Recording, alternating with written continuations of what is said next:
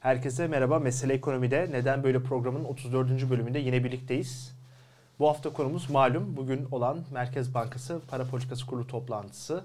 Ee, neticesinde e, bir kez daha e, Türkiye'de yükselen enflasyonu ve döviz kurunda hepimizi endiş, endişelendiren durumlara karşı Merkez Bankası olağan önlemlerden herhangi birini almadı ve bir karar metni yayınladı ki çok da bir sorun yok anlamına geliyordu. Ek olarak bu hafta bir de genel bütçe gündeme düştü. Düzeltiyoruz ek bütçe gündeme düştü.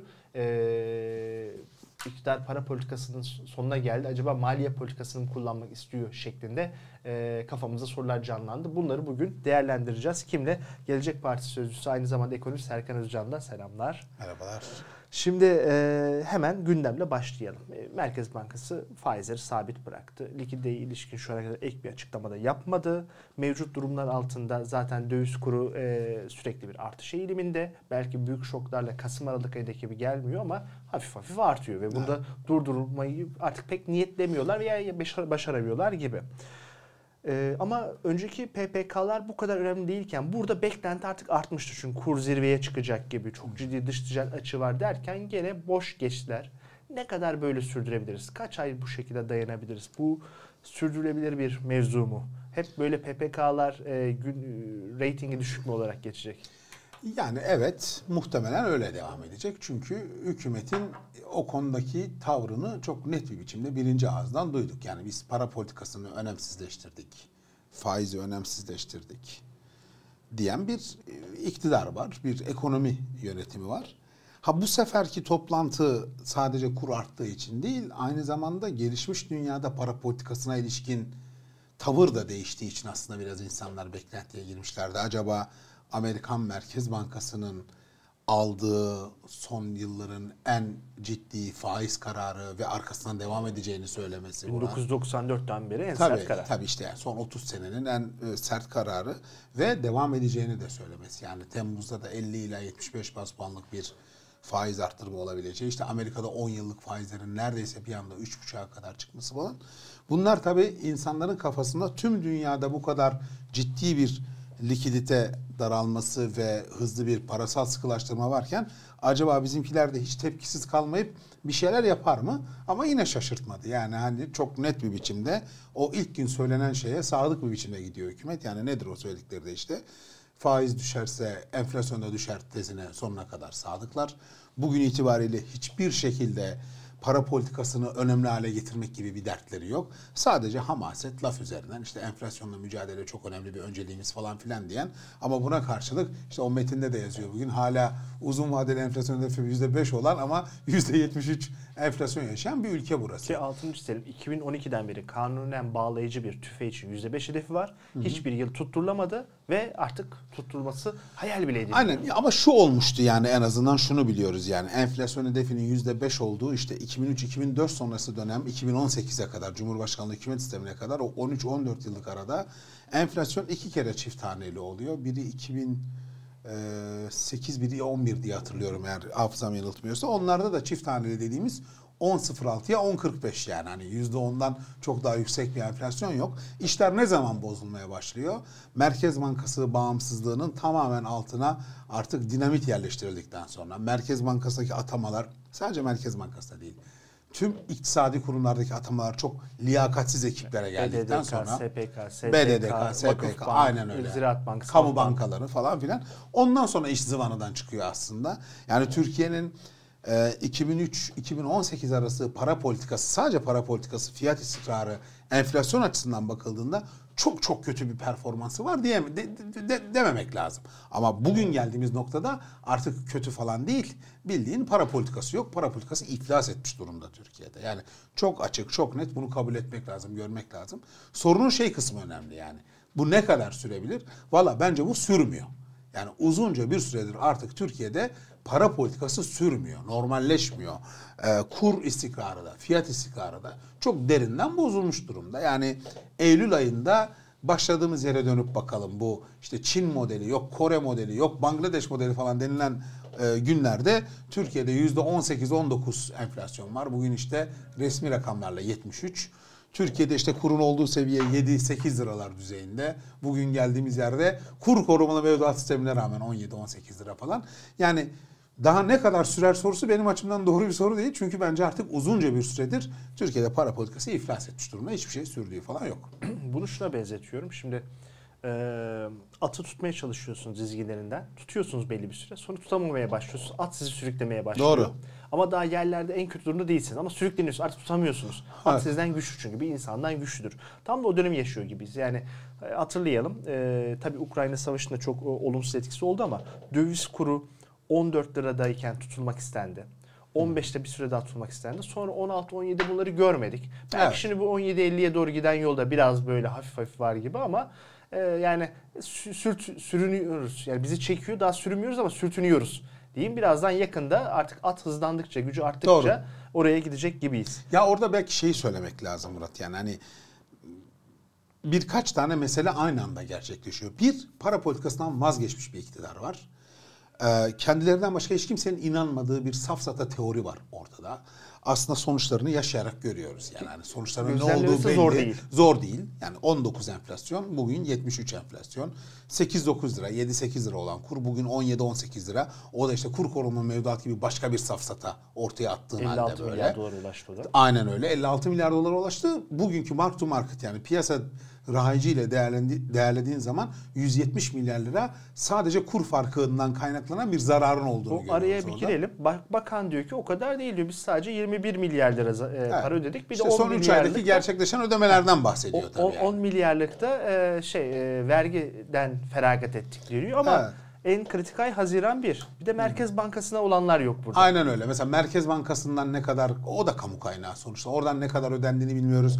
Hazinenin hali hazırdaki bu 56 milyar dolarlık toplam yükün hangi kur e, vadeyle, hangi kur ortalamasıyla kur korumalı mevduat sisteme girdiğini bilmiyoruz. Ama hepimizin yaptığı 3 aşağı 5 yukarı da doğruluğundan hemen hemen emin olduğumuz işte dönemsel büyümeye bakarak bir ortalama maliyet hesabı var. 14.40-14.50 seviyesinde bir şey çıkıyor orada.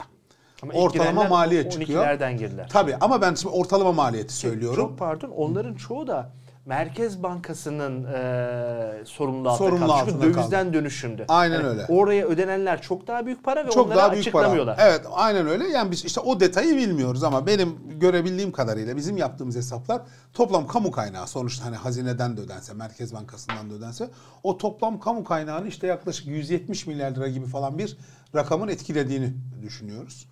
E bu bunun bize net söylediği bir şey var yani. Para politikasını iflas ettirmişsin. Ee, safsata teorinde ısrar ediyorsun. Bu safsatayı kapatmak için başka bir safsataya başvurmuşsun ve onun ağır bedelini yaşıyoruz. Bu kamu maliyesini bozuyor. İşte birazdan konuşuruz. Ek bütçeye ihtiyaç duyuyorsun. Çünkü bugünkü bütçeyle bu e, maliyetleri karşılamak mümkün değil.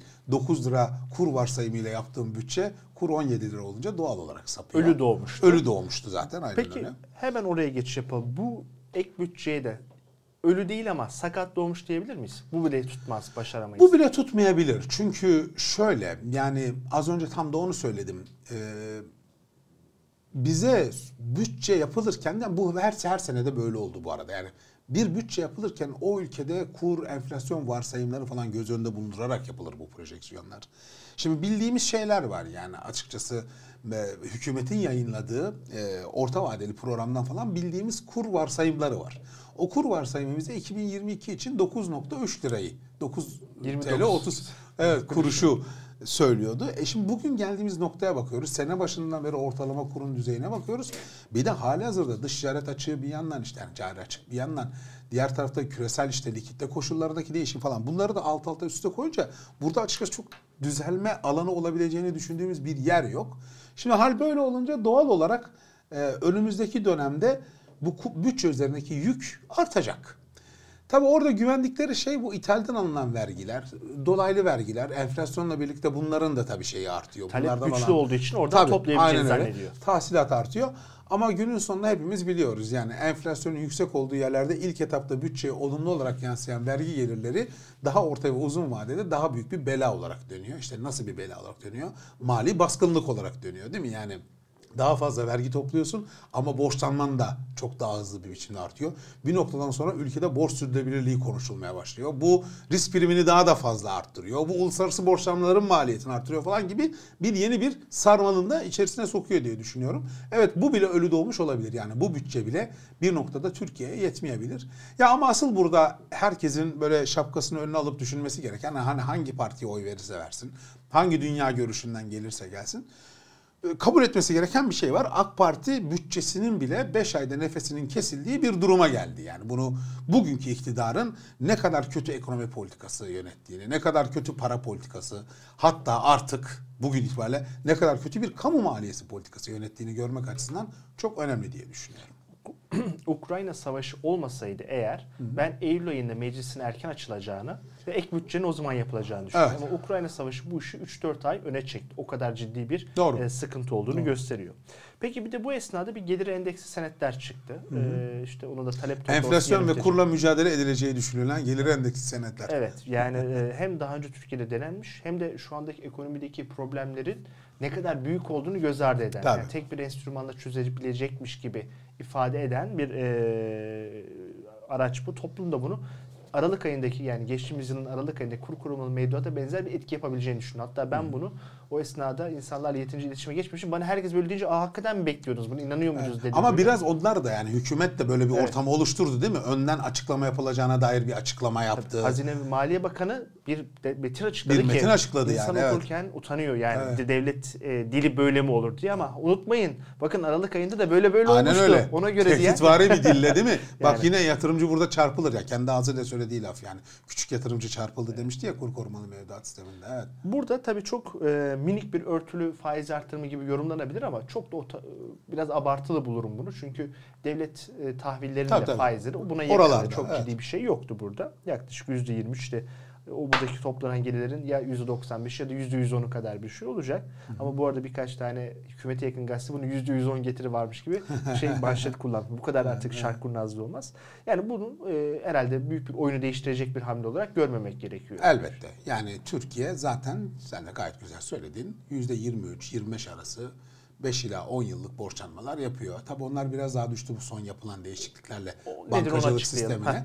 Orada şimdi bankacılık sisteminde aslında yeniden dispo günlerine döndük. Yeni bir disponibilite yükümlülüğü geldi bankalara. Sadece artık kaynak tarafından değil. Eskilerde kalan tanımları hatırlıyoruz. Tabii mesela. aynen öyle. Aktif tarafının da artık kontrol edilmesine yönelik. Yani kredi büyümesine bağlı olarak bankalara yeni karşılıklar e, getirildi bu kararlarla. E, o kararların o kararları tutturabilmek için bankacılık sisteminin e, yüksek miktarda kamu tahviline, bonusuna ihtiyacı var. Onun yarattığı bir hava nedeniyle de faizler bir miktar düşüyormuş gibi görünüyor ama aslında bu bir müdahale düşüşü yani bu Türkiye'de enflasyon beklentileri düzeldiği için değil, kur istikrarı sağlandığı için falan değil. Sırf hükümet tarafından ortaya konulmuş olan politikanın ve özellikle Merkez Bankası tarafından konulmuş olan, konulmuş olan politikalara bankalar uyum sağlayabilmek için aktif bu tahvilleri aktif rasyon gibi aynen öyle bunu bunu sağlayabilmek için bu alımları yapıyorlar ve fiktif bir biçimde, gerçek olmayan bir biçimde orada faizlerin düştüğünü görüyoruz. Ama 2-5 yıllık segmente bakarsak mesela işte bu gelir endeksi senedinkine çok benzer 20 ile 25 arasında faizler görüyoruz hala. Bu da bize çok net bir şey şöyle söylüyor. Yani daha fazla borçlanarak e, dövizle ya da enflasyonla mücadele etmek diye bir şey yok. Hükümet yine aynı şeyi bir algı operasyonu üzerinden götürüyor. Ya kuru da enflasyonda neyin düşüreceğini hepimiz biliyoruz. Hepimiz biliyoruz. Yani adam akıllı bir para politikası uygulanmadığı sürece, adam akıllı bir kamu maliyesi politikası uygulanmadığı sürece, yani adam akıllı liyakatli bir ekip gelip gerçekten iktisadın diliyle, politikanın diliyle, para politikasının diliyle konuşmadığı rasyonel. sürece, rasyonel konuşmadığı sürece düşmeyecek. Ama işte hükümetin satmaya çalıştığı şey yani bir gün gelir bununla hallederiz e, havası. Ben bunun çalışmayacağını düşünüyorum. Bence bunu öngöremiyorlar, okuyamıyorlar nereye gideceğini ama e, o açıdan Türkiye'yi ben daha zor günlerin beklediğini düşünüyorum maalesef. Şimdi e, Aralık'la bugün arasında bence kaçırılan en büyük fark şu. O dönemde kur bir e, balona sokulmuştu. Ona kendileri sokmuştu. Evet. Yani çünkü yapmayacağız, indireceğiz. Beklentimiz bu. Ne kadar bozulursa bozulsun biz bu politikanın takipçisi olacağız dediler. Hı hı. O yüzden de kur 18.40'a kadar çıktı. Ama şu anda öyle bir balon yok. Türkiye bu isnada dış dengesini dahi sağlayamıyor. Tabii. En son yine resmi veri Ticaret Bakanlığı açıkladığına göre e, Mayıs ayında bizim 10,5 milyar liralık bir dış, dış ticaret açığımız var. Rekor. Devasa bir açık. Rekor. rekor tek bir ay için. E şimdi bunu nasıl zaman bu yani? Kuru tutarak Merkez Bankası satacak rezerv mi var? Başka bir kaynak mı bulacağız? Nasıl yapacağız? Yani bu- bulamayacağız, bulamıyoruz da. Yani aslında cari açık şeyine baktığımız zaman, daha doğrusu ödemeler dengesinin kompozisyonuna baktığımız zaman Türkiye'nin sadece cari açık verdiğini değil, artık bu açığı finanse etmekte zorlandığını da görüyoruz değil mi? Yani hani eskiden şöyle çalışıyordu bu iş. Türkiye cari açık verebiliyordu ve verdiği cari açıktan çok daha fazlasını gerek portföy yatırımları yoluyla bazen de daha uzun vadeli doğrudan yatırımlar yoluyla rahat finanse edebilen bir ülke. En iyi örnekte 2011 Türkiye, ABD ve Birleşik Krallık'tan sonra en yüksek cari açığı verdi ama bunu da finanse etti. Burada finanse etti sağladı. aynen öyle. Yani çünkü Türkiye'de özellikle uluslararası yatırımcının gözünde Türkiye'nin borcunu ödeyememesi, zorda kalması, e, borç döndürme sorunu yaşaması gibi bir şey insanların aklına bile gelmiyordu. Bugün geldiğimiz Türkiye'de, bugün geldiğimiz ortamda bunun tam tersini yaşıyoruz. Tam tersine bu tür kaygıların, korkuların son derece arttığı bir dönemin içerisindeyiz. Ve maalesef aynı dönem dünyada da emtia fiyatlarının çok hızlı arttığı bir dönem. E bizim ithalatımızın %81'i ham madde ve enerji. %11'i de makine teçhizat. Yani biz uluslararası fiyatlardan doğrudan, direkt olarak etkilenen bir ülkeyiz. E, tahminler bu sene dışarı açığının 100 milyar dolara falan ulaşabileceği yönünde eğer emtia fiyatlarında çok önemli bir değişim olmazsa. Yani haklısın bir yandan 180 milyar dolar bir yıldan kısa vadeli borçlar var döndürülmesi gereken. 100 milyar dolar civarında bir dışarı açığı bunun yaklaşık 40 milyar, 40-45 milyar dolar arasında bir cari açığa tekabül edeceğini düşünüyoruz. Yani toplam finansman ihtiyacının 200 milyarın, 220 milyarın, 220 milyar doların üzerinde olduğu bir döneme giriyoruz. Bu son derece zor olacak. Bir noktada ya bu e, kur yoluyla ya bir faiz yoluyla Türkiye'ye çok daha ağır bir bedel ödetecek. Bunu net bir biçimde görüyoruz. Ben açıkçası bunun geciktirilmesi amacıyla ortaya konan e, performansın da çok kötü bir performans olduğunu düşünüyorum. Yani kur korumalı mevduat sistemi işte Aralık ayının e, 20'si bugüne kadar gelen dönemde yaklaşık 40 milyar doların üzerinde yeniden e, Merkez Bankası rezervi satılmış. Ama sürdürülebilir bir şey değil. Hepimiz biliyoruz bunun sürdürülemez olduğunu. E, ama bence hükümet bunu böyle okumuyor. O yüzden Türkiye bir finansman sorunu yaşayabilir mi? E, uzun vadede, orta vadede e, evet yaşayabilir. Nitekim dünyada Türkiye'ye ilişkin risk primlerinin çok hızlı bir biçimde artıyor olmasının altında da bu yatıyor diye düşünüyorum. Şimdi bu biraz iktisat okuyan öğrencilerin e, mezunların bileceği bir şey. Bir ESLM eğrileri vardı. Tabii, EDS e, tabii. eğrileri vardı. Bu eğriler de faiz olur, işte e, fiyatlar olur, e, kur olur. Biraz daha geliştirilmiş olanlarında. Kendiliğinden bunlar gider. Yani siz e, idari karar almasanız bile piyasa o kendi kurunu Tabii. veya kendi faizini, Faizini bulur. bulur. Dayanamaz. O Tabii. sistem ona gider. Aslında bunlar bir ort- otomatik ayarlamadır. Tabii. E, Eğer ama- böyle olmasaydı muhtemelen 8 liradan 18 liraya gitmesine kimse e, hani müsaade etmezdi. Oysa ne yaşadık Evet. biz? Bir anda Türkiye'de ekonomi politikası değişti. Kur çok hızlı bir biçimde piyasa tepki verdi. İşte 8 liralardan bir anda hızlı bir biçimde 4 ay içinde 18 liralara giden bir kur gördük. Yani bu bize çok açık söylediği bir şey var. Piyasa o baskıyı yaptığı zaman de hükümetlerin, siyasetin çok fazla yapacağı bir şey yok. Ki en iyi örneği bu sadece Türkiye bir e, saldırı değil. 92 yılında George Soros'un olduğu birçok yatırımcı Bank of England, İngiltere Merkez Bankası bu şekilde Doğru. alt etmişler. Doğru, Yani evet. tarihte bu da yaşanmıştır. Gelişmiş ülkeler için bile var. Şimdi bu tip dönemlerde... Yani talimatla faiz düşmüyor, talimatla kur düşmüyor. Arka kapıdan döviz satarak ülkede kur istikrarı sağlanmıyor. Bunu tarihte kendi tecrübemizde bize çok net bir biçimde gösteriyor. Peki şimdi bu tip ortamlarda biz işin rasyonel tarafını düşünüyoruz. Genelde eleştiri de oradan geliyor. Ya bunlar bir yerden bulurlar. Net hata noksan kaleminde gözüken istatistik hataların ötesinde bir giriş olabilir. Veya işte Suudi Arabistan Veliaht Prensi Türkiye'de buradan gelebilir. Ki daha önce bunların da şey, kısmen yaradığı dönemler oldu. 2020 yılında biz sabah akşam hangi ülkeyle swap anlaşması yapacağız? O zaman Başkan sanıyorum Murat Uysal'dı Merkez Bankası Başkanı. Haberler oluyor ve gündemde ana sayfada oluyordu. Ekonomiye dair bir haber olmasına rağmen. Şimdi bunlar gündemden düştü. Kullanım alanı azaldı ama hala imkan var mı? Var. Yani Suudiler bugün 10 milyar dolarlık bir swap anlaşması yapıyoruz derlerse e, birazcık da eldeki mühimmatı arttırabilir. Sanki dayanma gücünü arttırabilir gibi bir beklenti oluşturuyor. Mümkün müdür? Değil. Yani e, açıkçası bir defa önce şu swap meselesini ben insanların tam böyle net anlayabildiğinden emin değilim. Yani bu herhangi bir uzun vadeli yatırım gibi hatta bırak uzun vadeli yatırımı bildiğimiz hisse senedi, bono, mevduat şeklindeki portföy yatırımları gibi bile düşünülecek yatırımlar değil. Bunlar Sıcak para karşılıklı bile değil. sıcak para bile değil. Yani bunlar karşılıklı E, kredi anlaşmaları ama şöyle kredi anlaşmaları. Ben sana kendi para param cinsinden bir hesap açayım. Sen de kendi para cinsinden bir hesap aç. İşte bunları bilançolarımızda gösterebilelim. Yani bilanço makyajından başka hiçbir işe yaradığı falan yok bu swapların. E, yani çok zor durumda kalırsa kullanılabiliyor falan filan ama. Çok pardon. Evet. Ben bunu şuna benzetiyorum. Taksim Meydanı'nda bize mendil satmak isteyenlere Evet. e, genelde mendili almayız çocuktan, parayı veririz. Parayı veririz. İşte bu da onun gibi yani bize zorla mendili satmaya çalışıyorlar. Evet. E, onlar bizim Türk lirasını kullanmıyorlar. ihtiyaçları yok. Biz ama onların e, aldığımız parayı hemencecik kullanmaya kullanmaya bili- kullanabiliriz. Ama şöyle yani bizim böyle bir de bizim benzetmemiz vardı. Swap aslında hatır çeki yani. Normalde bir ticari ilişkiye dayanmıyor. Ama karşıdaki insanın biraz daha süre kazanması için bir dostunun verdiği, onun hatırı için verdiği çeklere benzetiyoruz biz swap'ı. O yüzden bunlarla falan dönmez. Ama Yani bir olduğundan daha iyi ekonomik durumu gözüksün, mali Aynen durumu öyle. gözüksün Daha diye. durumu gözüksün ama gerçek bu değil yani. dostluğunuz Gerçeği var. değiştiren bir şey değil. Veya- O dostunuz dost, dost- o dostunuzun hatırını e, kırmayarak onun için geçici bir dönem onu biraz daha iyi gösterebilecek bir yardımda bulunmak. Ya da bambaşka bir yerden bir çıkarınız var o kişiden. Onun o zayıfından faydalanıyorsunuz. Yani evet belki, de, böyle. aynen öyle. O zaman hatır çeki değil de biraz daha fırsat çeki gibi falan da düşünülebilir. Ee, ama işin diğer boyutu daha farklı konuşulan boyutu özellikle Orta Doğu sermayesinin Türkiye'yi hem doğrudan yatırımlarla hem de portföy yatırımları şeklinde destekleyebileceğine e, yönelik ben son 4 yılda 40 tane böyle efsane sayarım. Bir de Çin var. Bir de Çin var. Aynen öyle. 40 tane efsane sayarım.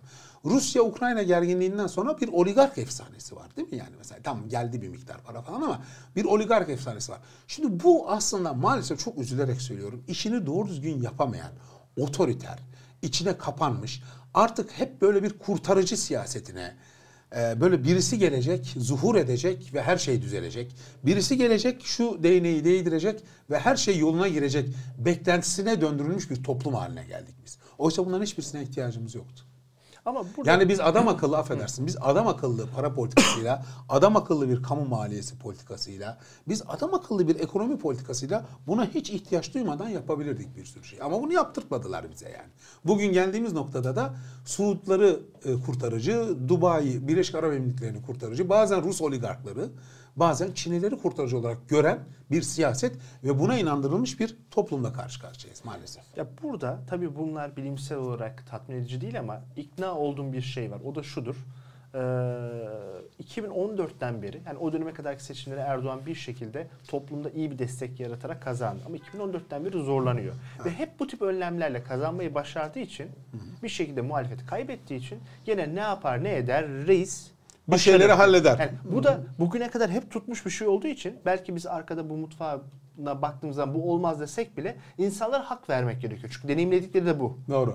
Doğru. Ee, bu da tabii e, iktidarın değişimini de zorlaştıran Evet. bir şey. Orada Murat belki iki şeyi birbirinden ayırmak lazım. Böyle bir kurtarıcı zuhur etsin ya da işte dönsün Suudlar para versin, Ruslar para versin diyerek dönüşler olmadı Türkiye'de. Yani Türkiye'nin 2003 sonrası AK Parti hikayesini hep bugünkü gibi anlatmak veya anla- anlamak da yanlış. Şöyle oluyordu. Bir politika yanlışı yapıldığında ortak akılın istişarenin çalıştığı bir dönem oldu AK Parti'de. Ve bir şekilde işte o zamanki ekonomi bürokrasisi yani ben biraz işlerinde olduğum için biliyorum. O zamanki ekonomi bürokrasisi ya da o zamanki siyaset ya etmeyin eylemeyin bu böyle olmaz. Doğrusu bu bak doğru düzgün giden bir iş var. Buna gelip çomak sokmanın bir anlamı yok. Böyle saçma sapan teorilerle bu işleri yapmayalım diyen bir ekip vardı. Şu anda tasfiye edilmiş olan ekip onlar işte. O ekibin bir noktada müdahaleleriyle oluyordu aslında o dönüşler. Yani reis bir yolunu bulur dönerden ziyade o ekibin ortaya koyduğu ortak akıl, o istişare mekanizması. Şimdi bugün geldiğimiz noktada artık bunlar bir tarafa bırakılmış. Beklenti şuna dönmüş yani. Muhammed Bin Selman bir şey yapabilir mi? Çin bilmem işte devlet başkanı ziyarete gelir mi?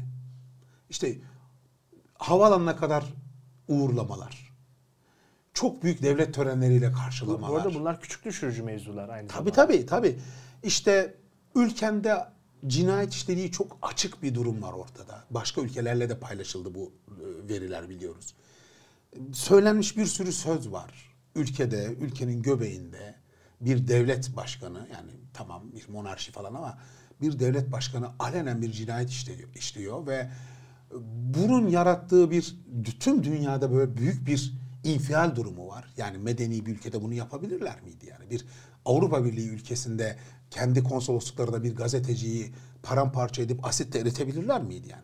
O zaten yeterince onur kırıcıydı. Şimdi bu yetmiyormuş gibi dönüldü o dosya onların eline verildi. Suudların eline verildi. Yani insanlar için onur kırıcı olan Üstelik tarafı bunun bu. için de Ve Erdoğan- bu da insanlarda bir acaba oradan para mı gelecek beklentisi olacak. Daha ne olsun bize yani? Yani e, hakikaten bu arada Suudilerin ziyaretlerinde de devlet protokolü gereğince bir anıtkabirinde olmadığını da anımsatalım. Bu da farklı bir e, mevzudur. E, peki şimdi bu kadar sıkışmış bir e, toplum erken seçim beklentisi var. Ama erken seçim yani Kasım 2019'dan beri erken seçim bekliyoruz. Doğru. Çünkü İmamoğlu'nun özellikle İstanbul'da ikinci kez seçimi kazanmasından beri olağan demokrasilerde iktidar hemen gider ben bir güven oylaması alayım der. Tekrar güçlüysem kalayım der.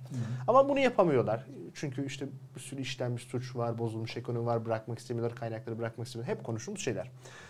Ama e, tabii ki istedikleri şey hani diyoruz ya bazen onlar idari bir karar almazlar ama piyasa onları oraya getirir. Burada da bir erken seçim istemeyebilirler ama toplumsal hareketlilik o erken seçimi getirebiliyor. Veya onlar daha sonraki bir erken seçimi daha zararlı biteceğini varsayıp erken ne çekmeyi düşünebiliyorlar. E, buna dair bir e, izlenimin var mı? Gerçekten bu konuşulduğu gibi Ekim Kasım'da bir erken seçim gelebilir mi? İktidar bunu ister mi? Muhalefet çünkü elini açık et istiyoruz dedi. Ya şöyle, şimdi e, bence erken seçime ilişkin bugün muhalefetin ortaya koyduğu tavırdaki motivasyonla iktidarın motivasyonu arasında çok önemli farklar var. Şimdi biz erken seçim talep ederken ülkenin yönetilemiyor oluşunu, işte az önce konuştuk. Mesela borç sürdürülebilirliği Türkiye'de sorun olmazdı. Artık bunun konuşulmaya başlanmasının ekonomik krizi daha da derinleştirdiğini ya da derinleştireceğini, yoksulluğun her gün arttığını, insanların artık gerçekten e, çok küçük, çok mütevazi bütçeleri bile, ev bütçelerini bile döndüremediğini görerek burada bir yönetim sorunu var. Gelin hep birlikte şu yönetim sorununu aşalım. Yeni bir yönetim iddiasıyla e, muhalefet bir şeyler söylüyor. Bunu hayata geçirebilecek bir imkan doğsun diye erken seçim talep ediyoruz. Oysa bugünkü AK Parti MHP koalisyon iktidarının meseleye bakışı tamamıyla ne kadar oy alırız bakış açısı. Şimdi benim aç- açımdan zor olan taraf yani anlaşılması zor taraf eğer böyle bakıyorlarsa gerçekten seçim odaklı gidiyorlarsa ki böyle gittiklerini ben biliyorum.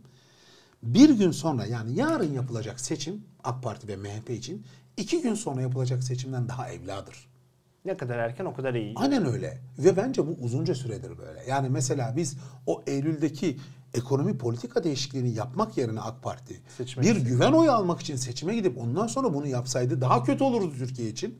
Ama o zaman AK Parti'nin biraz daha şansı vardı diyebilirim.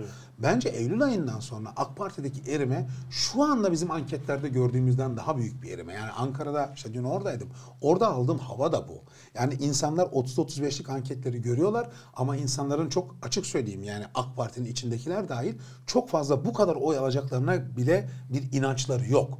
Şimdi o yüzden açıkçası bu kadar kötü bir dış ticaret verisi var işte önümüzde. Ne diyoruz? Bu sene 100 milyar dolar gibi rekor bir yere gidebilir Tek diyoruz. seferlik değil sürüyor yani. Sürüyor aynen öyle. Cari açık 40-45 milyar dolar diyoruz. Muhtemelen bilmiyorum senin o konuda fikrin nasıl ama e, 500 milyar lirayı çok rahatlıkla bulabilecek bir bütçe açığından bahsediyoruz. Aynı görüşteyim. Evet enflasyon %73'lerde belki 80'lere kadar gidip sene sonunda iyi senaryoda 60'larda falan durulacak. Veya bir kur hata olup 3 basamak. Abi tabii onu hiç konuşmuyorum yani. O kötü senaryoyu koymadan söylüyorum bunu. Do- haklısın. Bir kur hatayla bile hemen çok hızlı bir biçimde biz orada da üç haneyi görürüz yani. Nasıl üfede yüzde yüz otuzu yaşıyorsak bugün.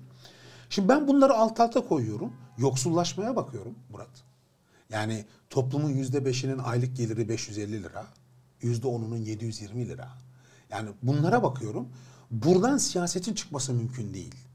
AK Parti siyaseti hiçbir AK Parti hiçbir seçime böyle bir tablo içerisine girmediği için açıkçası bence bugünkü algıları da yeterli bir biçimde gelişmedi. Yani durumun vehametini çok anlayabildiklerini de düşünmüyorum. O yüzden ben açıkçası neyi bekliyorlar? Kendileri açısından bakın memleket açısından değil, millet açısından değil. Kendileri açısından şu tabloda neyi bekliyorlar inan bilmiyorum. Şöyle diyeyim, e, peki son yapılan bazı hamleler, işte sansür kanunu şu anda biraz geriye Evet. alındı ama ek bütçenin gelmesi, gelir endeksi senetlerin denenmesi. Hmm. Ben bunları kuru kontrol etmekten öte bir seçim öncesi son hazırlıkları yapmak gibi görme imkanı da var. Tamam mesela nasıl bir hazırlık olur o? Yani, yani şöyle işte daha fazla standart, bir kamu harcaması. Daha çok e, standart reçete, daha çok para harcayalım, daha çok kredi verelim. Ekonomik aktivitede bir kısa süreli bir serap atalım, olsun. ikna olsun insanlar ve oysa da ne olduğunu anlamadan atalım üstleri geçsin. E, işte 3600 ek göstergeyle ilgili Doğru. yani tam 3600 değil ama e, yıl başına dahil olmak üzere daha geniş kapsamda bir düzenleme yapıldı. Asgari ücret için bir şey bekliyor musun? Onu mu soracağım? EYT için Bekliyorum. bir şey söylüyor musun? Hı-hı. Onu soracağım. Ve bunlar olsa dahi ne kadar bu koşullar altında sandığa yansır siyasi olarak en sonunda onu sormuş olacağım. Ya şöyle yani bu emekliye işçiye falan dün Numan Kurtulmuş'un açıklamaları vardı bir televizyon kanalında bilmiyorum denk gelip izleyebilirim o yüzde kırklar gibi bir rakamlardan bahsetti Temmuz ayında enflasyon Cumhurbaşkanı'na da yüzde kırk memur zammı geliyor. Evet o da o da o da geliyor. Yani şimdi orada öyle bir beklentim var evet yani o tarafta özellikle ücretlerde ve emeklilerde böyle bir şey yapabilirler. Asgari ücret de bekleyecek durumda değil yani. Hepimiz çok net bir biçimde görüyoruz. Yani yüzde 50'lik fark daha yılın ilk ayında asgari ücretliyi açlık sınırının altına attı. Yani TÜİK'e bu kadar, göre. TÜİK'e göre. Bu kadar yüksek enflasyonda bu iş çözülmüyor yani. Çok net bir biçimde bunu görüyoruz. Orada da açıkçası bir şeyler yapılması gerektiğini düşünüyorum. Ama benim yine farklı bir kanaatim var burada. Yani ben yapılacak 3600 dahil EYT'lerle ilgili inşallah bu arada olur. Gerçekten o insanların da haklarının yenildiğini düşünüyorum ben. Ee, ücretlerde yapacak düzenlemeler bunların hiçbirisinin enflasyonu yakalayamayacağını düşünüyorum. Enflasyon böyle bir zehir. Çünkü bir spiral, sarmal. Aynen öyle. Sen mi? o sarmalın içine girdiğin zaman sürekli aslında yüzde elliler, yüzde altmış e, maaş zamları, yüzde kırk zamlarla övünürsün ama aslında bir gün sonra o yüzde kırk yoktur. Aslında o yüzde kırk çoktan harcanmıştır yani. Çünkü Türkiye ağır bir enflasyon sürecinden geçiyor. O yüzden bunun iktidarın düşündüğü gibi ya da bazı böyle analistleri okuyorum, gazetecileri falan filan onların düşündüğü gibi Türkiye'de siyasetin seyrini değiştirebilecek bir şey olduğuna ben inanmıyorum. Bu şöyle mesela şöyle değişebilirdi. Türkiye'de yüzde yedi, yüzde sekiz, hadi bilemediğin yüzde on enflasyon olurdu. Hükümet insanların reel olarak satın alma gücünü arttırmak için bunun iki katı zam yapardı. Tıpkı 2016'da olduğu gibi. O zaman onun bir etkisi olabilirdi siyasete. Ama bugünkü şey sadece geride kalmış ve daha da fakirleşmiş insanların o aradaki farkı yakalaması için ufak ufak verilmiş yardımlar diye görüyorum. Bir de e, o dönemlerde iktidarın vatandaş gözündeki itibarı daha yüksekti. Tabii, tabii. Yani bu enflasyonun sarmal haline geleceğini, mazotun üzere Tabii hiç kimse böyle böyle düşünmüyordu Şu tabii. anda onların hepsi kaybolduğu için ve birçok şey her şey yaşandı. Doğru, aynen öyle. Erdoğan'a da bağlandı çünkü o da zaten saklamıyor. Enflasyonla evet. faiz arası ilişki kendisi bir farklı bir şey kuruyor ve her Doğru. yerde bunu söylüyor. Ben de bunu ikna ediciliğinin çok düştüğü görüşündeyim. Ben de. Ya bence insanlar ikna olmayacaklar Hükümetin düşündüğü gibi bu Türkiye siyasetini değiştirmeyecek, etkilemeyecek benim kanaatim. Ee, ben muhalefeti bu konuda açıkçası çok kaygılı görüyorum. Uzunca süre iktidar karşısında kazanamamış olmanın getirdiği bir duygu bence bu. Yüzde yüz katılıyorum. Öyle. Bu sürekli şey var yani. Hadi bir şey daha yaparsa reis şapkadan bir tavşan daha çıkarım falan. Ya ortada şapka da yok, tavşan da yok. Birinin kral çıplak demesi. Birinin aynen öyle. Yani Türkiye hiç yaşamadığı, son 20 yılda yaşamadığı büyük bir travma yaşıyor. Kurumlar, kurallar, sistemler her şey tarumar olmuş durumda. Buna karşılık muhalefet tarafında da aklı başında bazı insanlar bir masa etrafında farklılıklarına rağmen ortak bir kesişim kümesi üzerinden bir şey inşa etmeye çalışıyorlar. Bunların hepsi yeni şeyler. Son 20 senede hiç olmamış şeyler. O yüzden yani ben insanların o duygusunun da güçlenmesini çok isterim. Türkiye'de AK Parti siyaseti bitti. Yani artık AK Parti şu anda kendi uzatmalarını oynuyor. Bu uzatmaların ne kadar e, süreceğini en fazla biliyoruz. Yani önümüzdeki sene Haziran'a kadar sürecek. Onun daha ötesi yok. O yüzden insanların da muhalefetin de bu özgüvenle insanların yani sadece siyasi partilerin değil sıradan vatandaşın da ortalama vatandaşın da bu özgüvenle bu beklentiyle bu taleplerle Türkiye'yi tasavvur etmesi gerekiyor diye düşünüyorum. Teşekkür ediyorum için. Ben teşekkür ederim çok sağ olun. Bu hafta neden böyle de e, önce günün popüler konusu Merkez Bankası kararıyla başladık. Arkasından yine bu hafta açıklanmış olan ek bütçeyi konuştuk ve e, Suudi Arabistan Veliaht Prensi'nde burada oluşundan e, yola çıkarak olağanüstü yöntemlerle para bulma imkanları ve tüm bunların siyasi e, sonuçların nerelere varabileceğini değerlendirmeye çalıştık Serkan Özcan'la. Bir sonraki yayında görüşmek dileğiyle. Hoşçakalın.